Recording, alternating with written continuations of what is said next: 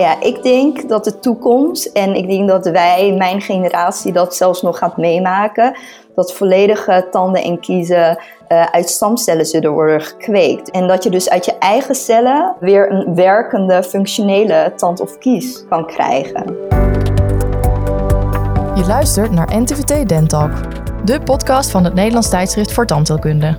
We gaan hier in gesprek met belangrijke experts, interessante onderzoekers en boeiende ervaringsdeskundigen. En misschien wel met jou.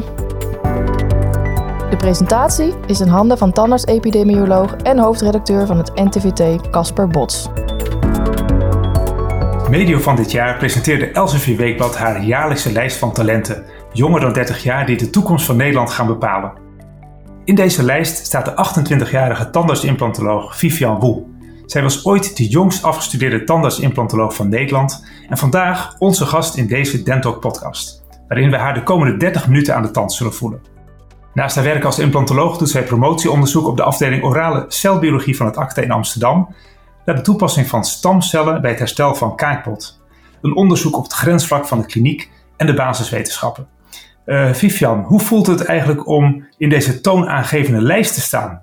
En hoe kom je eigenlijk op die lijst terecht? Nou, allereerst, het voelt super eervol. Ik voel me heel erg vereerd, maar tegelijkertijd ook zo ontzettend dankbaar voor alle kansen uh, die ik tijdens mijn carrière, mijn loopbaan heb gekregen. Van mijn opleiders die vertrouwen in me hebben getoond. Maar ook zeer dankbaar uh, naar al mijn patiënten toe die mij de kans hebben gegeven als jonge, jonge tandarts om het vak te mogen beoefenen. Ja, want je bent nu 28, uh, 28 jaar. Hoe oud was je dan toen je ging studeren, toen je tandheelkunde ging studeren? Ik was 17 jaar toen ik uh, aan ACTA begon. En ja. uh, toen heb ik de opleiding tandheelkunde in 5,5 jaar afgerond, net iets eerder dan nominaal. Mm-hmm. En daarna eigenlijk na mijn afstuderen als standaard binnen een half jaar gestart aan de opleiding orale implantologie, ook weer aan ACTA. Oké, dus inderdaad heel vrij snel. En waar in die, uh, wist je al voordat je tandheelkunde ging studeren dat je dan iets met implantologie wou gaan doen? Nee, mijn interesse in implantologie begon eigenlijk uh, een beetje eind bachelor, begin master. Uh, en toen, en met name het chirurgische aspect vond ik heel leuk. En dat je ontbrekende tanden en kiezen kan herstellen door middel van implantaten. Uh, dat je zo'n behandelresultaat kan bereiken, dat, dat, dat begon bij mij te dagen. En toen ben ik eigenlijk in contact getreden toen met professor Wismeijer, die ja. het hoofd van de afdeling orale implantologie was. En uh, daar heb ik ook stage gelopen. En zo begon het balletje te rollen. En heb je in die tijd van deze studie heb je ook uh, al onderzoek, uh, ben je al begonnen met onderzoek? Want je doet nu ook onderzoek? Of? Ja, eigenlijk uh, mijn eerste wetenschappelijke publicatie, die een onderdeel vormt van mijn huidige proefschrift, is eigenlijk een voortvloeisel van mijn masterscriptie. Ja. Ik was begonnen met onderzoek doen eind van de bachelor, want ik heb het honorsprogram gedaan en een onderdeel daarvan uh, kan zijn wetenschappelijk onderzoek doen. En eigenlijk omdat we in de bachelorfase van tandheelkunde weinig uh, te maken kregen met echt wetenschappelijk onderzoek, had ik dat gekozen.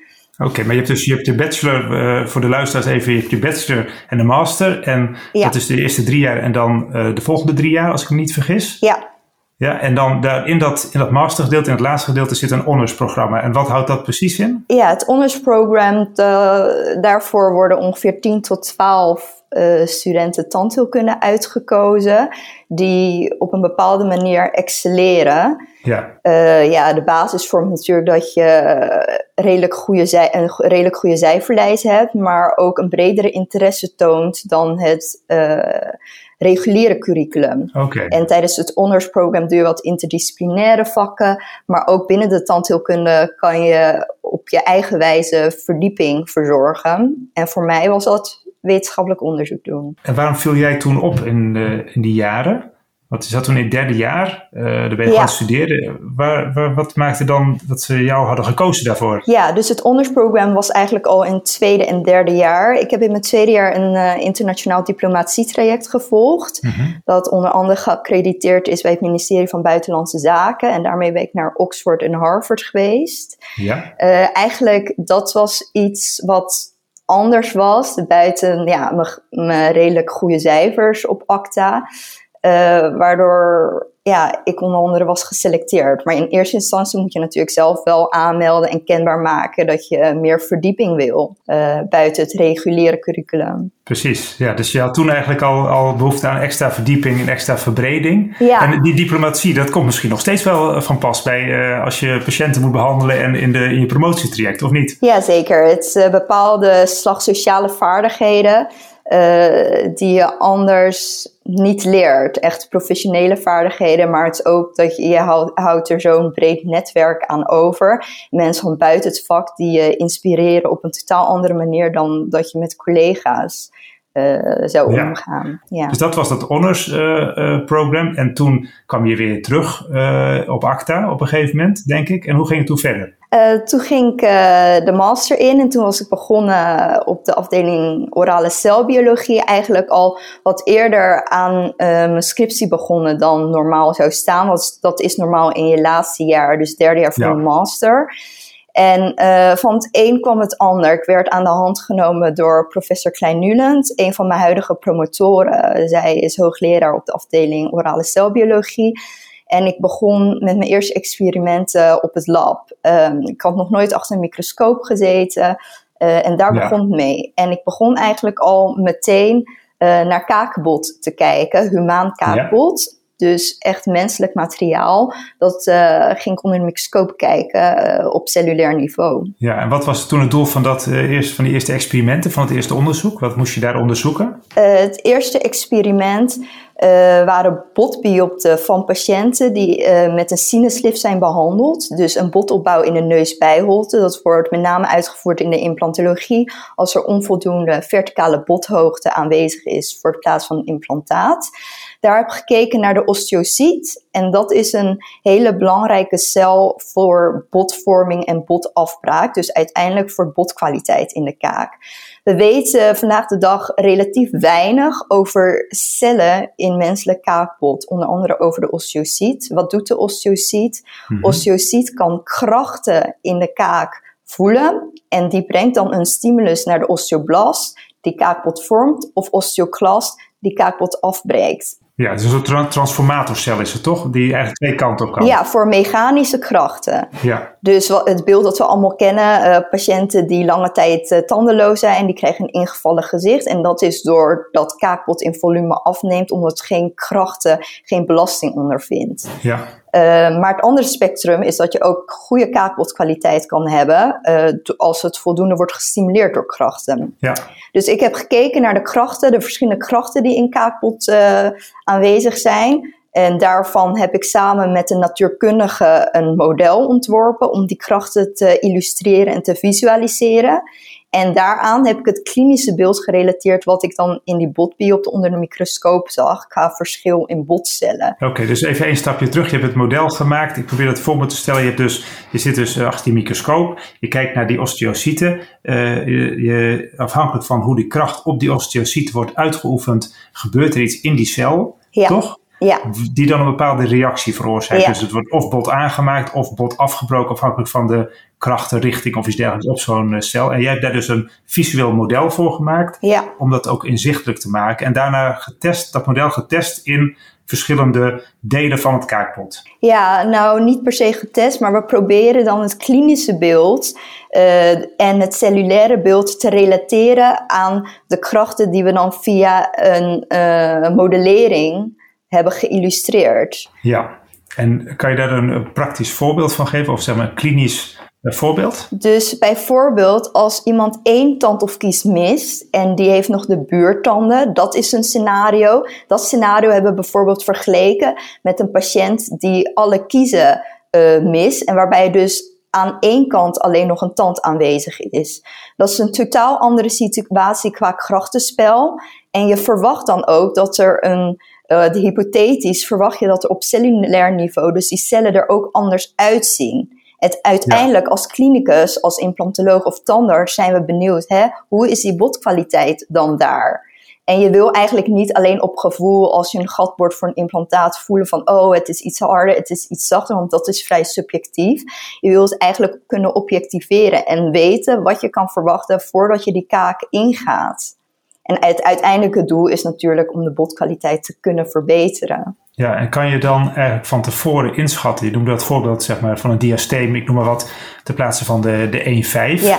Uh, die botkwaliteit is dus per definitie anders dan als, er dus heel veel, als je een heel leeg kwadrant hebt, Ja. als het ware. Ja. Uh, en dan is dat dan ook voorspelbaar, kan jij al uh, echt dan een soort van voorspellen wat de kwaliteit van dat bot is. Als er nog twee buurelementen zijn, is dat per definitie beter dan als, het, als er helemaal niks meer staat?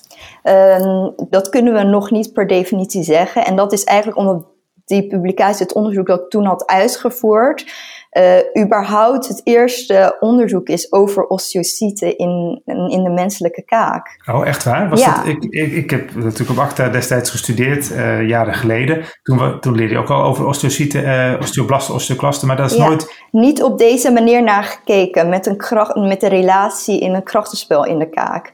Dus Oh. dat in, in die zin is het zeker uniek, maar er moet nog veel meer onderzocht worden voordat je zo'n sterke uitspraak kan doen. Dit is pas het begin Ja, van precies. iets te weten komen, de eerste bouwsteen in het uh, geheel. Dat is leuk dat je daar dan uh, aan, de, aan het begin van uh, daar zo betrokken bij kan zijn. En ik werk je ook nauw samen, je werkt met kaakchirurgie, werk je samen Ja. voor het onderzoek. Ja. En ook met orthodontie, kan ik me voorstellen. Of is dat, dat heb je ook natuurlijk met het krachtenspel. Um, op dit moment niet. Op dit moment uh, komen mijn botbiopten, dus het humane materiaal, komen uit uh, de koker van de kaakchirurgen, uh, van Ja. professor ten Bruggekaat en professor Schulte. Die hebben die patiënten behandeld en daarvan is het materiaal. Ja, oké. Uh, nou, hartstikke leuk. Even een stapje dus weer terug. Je, dat was dus tijdens je studie dat je dat, dit, on, dit specifieke onderzoek hebt gedaan. Je bent daar later op gaan doorbeduren in je promotie. Ja. Daar komen denk ik zo nog even op, op terug. Toen op een gegeven moment was je richting het afstuderen en waarschijnlijk heb je toen gedacht, wat zal ik gaan doen?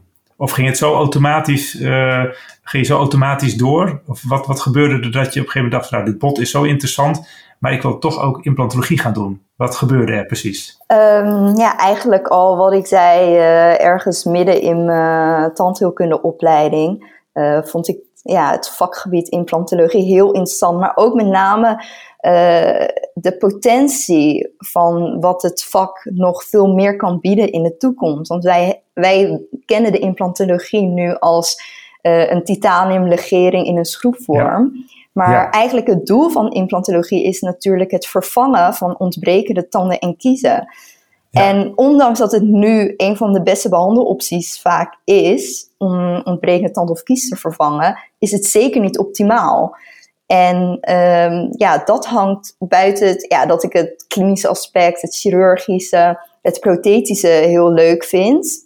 Al Mhm. ja, uh, vrij aan het begin van mijn opleiding. Vind ik Ja. ook het wetenschappelijke gedeelte van dit vakgebied reuze interessant. Hoor ik je dan eigenlijk uh, zeggen van het ideale implantaat zou eigenlijk bestaan uit, een, uh, uit iets waar ook nog vezels aan zitten, wat helemaal uh, lijkt op een gewone tand of kies. Ja.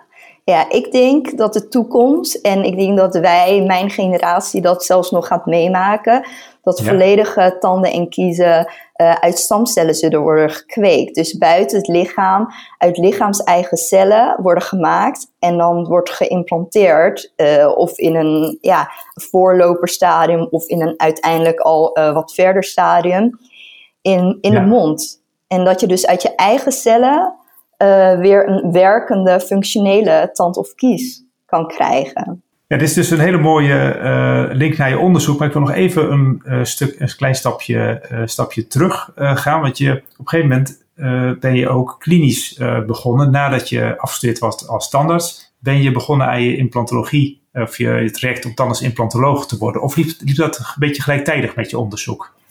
het is een beetje gelijktijdig. Ja, ik deed natuurlijk al wat wetenschappelijk onderzoek toen ik nog geen tandarts was. Maar de gesprekken liepen al wel in toen ik in de masteropleiding van tandheelkunde zat. Dat ik uh, interesse had in de uh, ja. post-initiële opleiding implantologie. Ja, oké. Okay. Wat uh, toen ben je bij, op ACTA begonnen aan die opleiding. Moet je, daar moet je ook onderzoek voor doen, denk ik.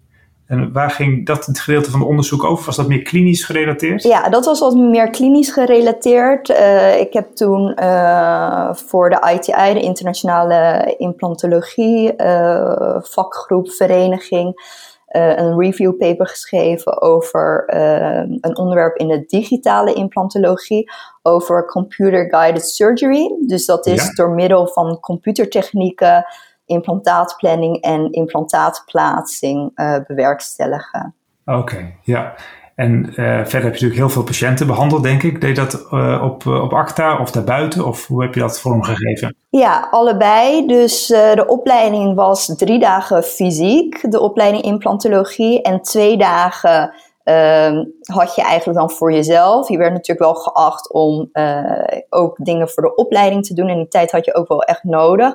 Maar eigenlijk heb ik al twee dagen fysiek gewerkt. Ehm, uh, in een praktijk en ook al implantologie uitgevoerd. Dus het was wel vijf dagen klinisch werk. Oké, vijf dagen kliniek. Dan heb je niet echt heel veel tijd voor je onderzoek. Misschien een beetje in de avonduren. Ja, dat waren de avonden en de weekenden. Ja. Oké, ja. En toen je dat afgerond hebt, toen heb je eigenlijk wat meer gas gegeven op je, op je onderzoek. Ja, dus hoe mijn uh, werkweek er nu uitziet, is dat ik uh, maandag tot en met woensdag aan de stoel werk. Ik werk in een algemene praktijk en ik werk ook in een verwijspraktijk. Uh, ik denk 90% van mijn werk is nu wel direct implantologie gerelateerd. Ik doe nog een klein deel algemene tandheelkunde. En dan doe ik donderdag en vrijdag twee dagen doe ik fulltime onderzoek. Ja, en dat uh, onderzoek, zoals we net al even over hadden, dat gaat dus uh, over stamcel, uh, stamcellen in het kaakpot gerelateerd aan die osteocyten. Um, wat is het uiteindelijke doel? We noemden het net al eventjes, maar wat is het, het primaire doel van het onderzoek wat je nu aan het doen bent, waar je volgend jaar volgens mij op hoopt te promoveren? Ja, uh, het doel van mijn onderzoek is eigenlijk weer één bouwsteen te leggen in het geheel van de toepassing van stamcellen. Uh, wat zijn stamcellen? Stamcellen, uh, baby's, kleine kinderen hebben veel stamcellen, want stamcellen zijn cellen mm -hmm. die, die nog tot van alles kunnen ontwikkelen. Bijvoorbeeld een huidcel of een botcel. Uh, maar ook volwassenen hebben stamcellen. Die, die zitten bijvoorbeeld in beenmerg, dat is een van de meest klassieke uh, bronnen van stamcellen, maar ook in buikvet.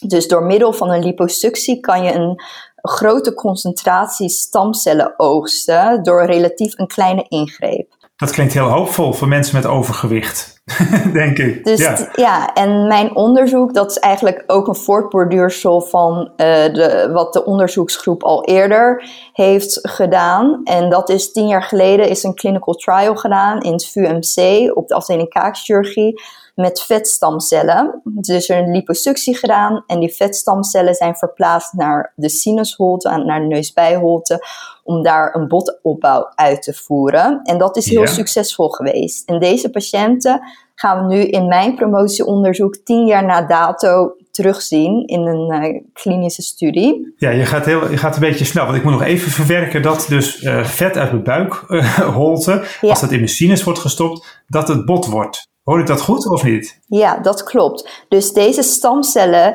uh, die worden geprikkeld om botcellen zoals osteoblasten uh, te worden en kaakbot te gaan vormen. Dus als je een stamcel in de omgeving doet met andere cellen, dan transformeert die zich tot de omgeving wat om zo'n stamcel heen zit. Zo zou je dat kunnen noemen, zijn. maar er komt natuurlijk wel bij dat in die omgeving inderdaad de factoren moeten zitten die die stamcel nodig heeft, zoals groeifactoren. Maar als het, uh, er zijn verschillende technieken voor zo'n stamcelprocedure. Uh, een van de technieken is dat je zo'n stamcel buiten het lichaam alvast uh, beïnvloedt door middel van een groeifactor, dat het al differentieert of prolifereert richting die botvormende osteoblast die je wil hebben. Maar als het in een bepaalde juiste omgeving zit, kan het dus ook in het lichaam uh, verder differentiëren richting die osteoblast. Ja, en dat is wat de onderzoeksgroep heeft gedaan. Oh ja, en daar doe jij nu op voort. Maar in welke mate wordt dit uh, nu ook al toegepast van het buikvet? Is dat ook iets wat gewoon regelmatig wordt toegepast in de uh, kliniek? Nee, dit is uh, zeker nog een experimentele fase. Maar buikvet is een zeer veelbelovende bron, omdat het relatief weinig invasief is om dat te verkrijgen. We kunnen het met één chirurgische procedure, dus die stamcellen, collecteren en ja. die implantologische behandeling uitvoeren, die botopbouw in de neusbijholte. Dus daarom maakt het zo hoopvol. En het is zeker niet alleen uh, mogelijk voor kaakbot. De scope van die stamcellen reikt natuurlijk veel verder. Bijvoorbeeld voor de orthopedie kan het gebruikt worden. Mm ja. Zou je dan dus, als je, uh, dus ik ga weer even terug naar die uh, 1-5 die, die mist. Stel dat daar een heel, of daar laten we een frontelement nemen met een 1-1 die mist met een heel groot boteffect. Dan zou je dus theoretisch dat botopbouw met die stamcel, met dat vet, stamcel uit het vet, buikvet kunnen doen. En ondertussen nog wat van dat buikvet uh, met de juiste groeifactoren eromheen, zou je een gebitselement van kunnen laten vormen. Dat is het uiteindelijke doel. Zover zijn we nog niet. Uh, bot is één soort weefsel. Een functionele tand of kies heeft natuurlijk uh, ja, heel veel verschillende structuren. Maar dat is het uiteindelijke doel. Dat we door middel van die stamcellen, die van alles nog kunnen worden, verschillende cellen kunnen worden om uiteindelijk een functioneel werkend uh, orgaan te kunnen produceren. En ook andere medische disciplines zijn hiermee bezig wereldwijd. Want we hopen natuurlijk dat we nooit meer orgaantransplantatie bijvoorbeeld hoeven toe te passen van donoren maar dat we echt organen voor de patiënt, van de patiënt zelf en voor de patiënt zelf kunnen kweken. Ja, en, dat is natuurlijk een, een, proces wat al heel wat jaren, waar al heel wat jaren onderzoek naar gedaan uh, wordt. Waar zitten we voor jouw gevoel ongeveer met de ontwikkeling? Jij zegt over 30 jaar, je, bent, zit dan in die, uh, je bent, zit in die groep van onder de, de 30 uh, eh, veelbelovende talenten onder de 30. Over 30 jaar dan ben je straks richting de 60. Um, en stel je verliest een element, zit er bij jou dan een stamcelkies in je mond, of niet? Ik hoop het wel. En het is altijd natuurlijk met ontwikkelingen. Hoe verder op de tijdslijn, dan gaat het ook relatief veel sneller. Het begin is altijd het moeilijkste en dan uh, moet je verschillende bouwstenen bij elkaar vinden. Uh, maar ook deze vetstamcelstudie was ook wereldwijd de eerste die ooit in de patiënt was uitgevoerd. Dus wij in Nederland doen zeker ook mee uh, op wereldniveau qua, uh, qua stamcel, baanbrekend stamcelonderzoek. En ik hoop dat we daarmee uh, dat, dat we dat natuurlijk voort kunnen zetten. Het klinkt eigenlijk relatief eenvoudig. Hè? Je pakt buikvet, je doet er wat groeifactoren ja. bij en dan gaat er dus bot groeien. En we doen er wat andere factoren bij en het wordt een tand. Maar uh, in je onderzoek, je hoopt volgend jaar natuurlijk te, te, promoveren. Wat zijn nou dingen waar je tegenaan bent gelopen, uh, wat, uh, wat nog heel erg onduidelijk is of wat, wat heel stroef gaat in het ja. onderzoek?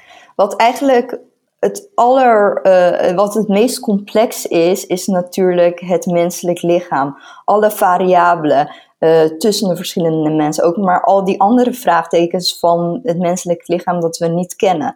Wat we wel altijd uh, in een uh, klinisch, wat we in een clinical trial, klinisch onderzoek proberen te ondervangen, is de verschillende variabelen tussen een patiënt. Dus een split mouse model, waarbij we bijvoorbeeld aan de rechterkant een type A-behandeling uitvoeren en aan de linkerzijde een type B-behandeling uitvoeren, dan on ondervang je al heel veel variabelen. Maar voordat überhaupt een klinisch onderzoek kan plaatsvinden, zijn er heel veel in vitro, dus lab-experimenten uitgevoerd, zijn er dierenstudies uitgevoerd. Want we kunnen natuurlijk pas een experiment in een persoon, in een mens doen, als we een bepaalde veiligheid kunnen garanderen. Dus we zijn eigenlijk al best wel ver in uh, wat we kunnen, maar we willen nog veel meer. En dat heeft tijd nodig.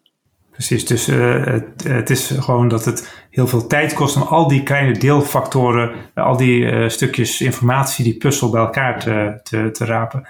Uh, je klinkt heel gepassioneerd en enthousiast over je onderzoek en met name ook over de mogelijkheden van die stamceltherapie. Als je volgend jaar gepromoveerd bent, welke richting wil je dan op? Wil je doorgaan met het onderzoek of trekt toch meer de, de praktijk?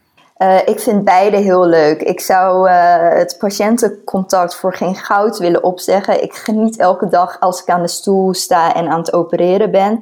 Maar daarnaast uh, ik hoop ook echt op wetenschappelijk uh, vlak mijn steentje te kunnen bijdragen. En uh, uiteindelijk, wie weet, over 30 jaar, dat we dan een tand of kies door middel van stamcellen kunnen kweken. Dat zou ik prachtig vinden. Voelt dat dan eigenlijk ook niet als je bezig bent soms wat frustrerend als je dan een implantaat plaatst en in je achterhoofd denkt van oh, misschien kan hier wel een stamcel kies later ingezet worden. Dat je weet hoeveel mogelijkheden er potentieel zijn. Loop je daar wel eens tegenaan? Ja, met name als, uh, als, als ik een grote uitgebreide bottelbouw moet uitvoeren. Want ik weet hoe belastend dat is voor de patiënt, voor mijn patiënt dan. En ik waarschuw ook mijn patiënten voor de belasting, uh, met name postoperatief. Zwelling, pijn, dat hoort bij zo'n chirurgisch ingreep helaas. Maar op dit moment is het helaas niet anders. En het is al heel mooi dat we het überhaupt kunnen uitvoeren. Ja, dit is het best mogelijke. En wat zou, als je dan volgend jaar gepromoveerd bent, je onderzoek afgerond, wat zou eigenlijk de eerste volgende stap uh, zijn die je zou willen, willen doen? Qua uh, als je gewoon uh, onbeperkte middelen zou hebben. Wat zou het eerste onderzoek zijn wat je dan zou gaan uitzetten en opzetten? Ja, ik zou een, een nieuw stamcelonderzoek, bijvoorbeeld met buikvet, want ik denk dat daar echt muziek in zit. Uh, een nieuwe clinical trial wel willen opzetten. Maar daar zitten heel veel haken en ogen aan. Maar ja, als die mogelijkheid er zal zijn, een vervolgstudie op de eerste clinical trial, ja, daar, eh, daar zou ik voor tekenen. Oké, nou ik hoop dat iemand luistert die dat onderschrijft en dat ook uh, daar de support voor zal, uh, zal geven. Uh, tot slot zijn de, dit, dit podcast wordt geluisterd door allerlei mensen, ook door jonge tandartsen. Ehm, wat zou je nou een jonge tandarts of een, iemand die nog uh, aan studeren is, uh, vierde, vijfde jaar, willen meegeven voor de, de toekomst? Ja, hou je wetenschappelijke kennis bij over ons vak. Want ons vak, ja, daar zit zoveel ontwikkeling in. Op technisch vlak, maar ook op bijvoorbeeld zulke fundamentele punten. Uh, word lid van een wetenschappelijke vereniging. Neem een abonnement op de NTVT bijvoorbeeld.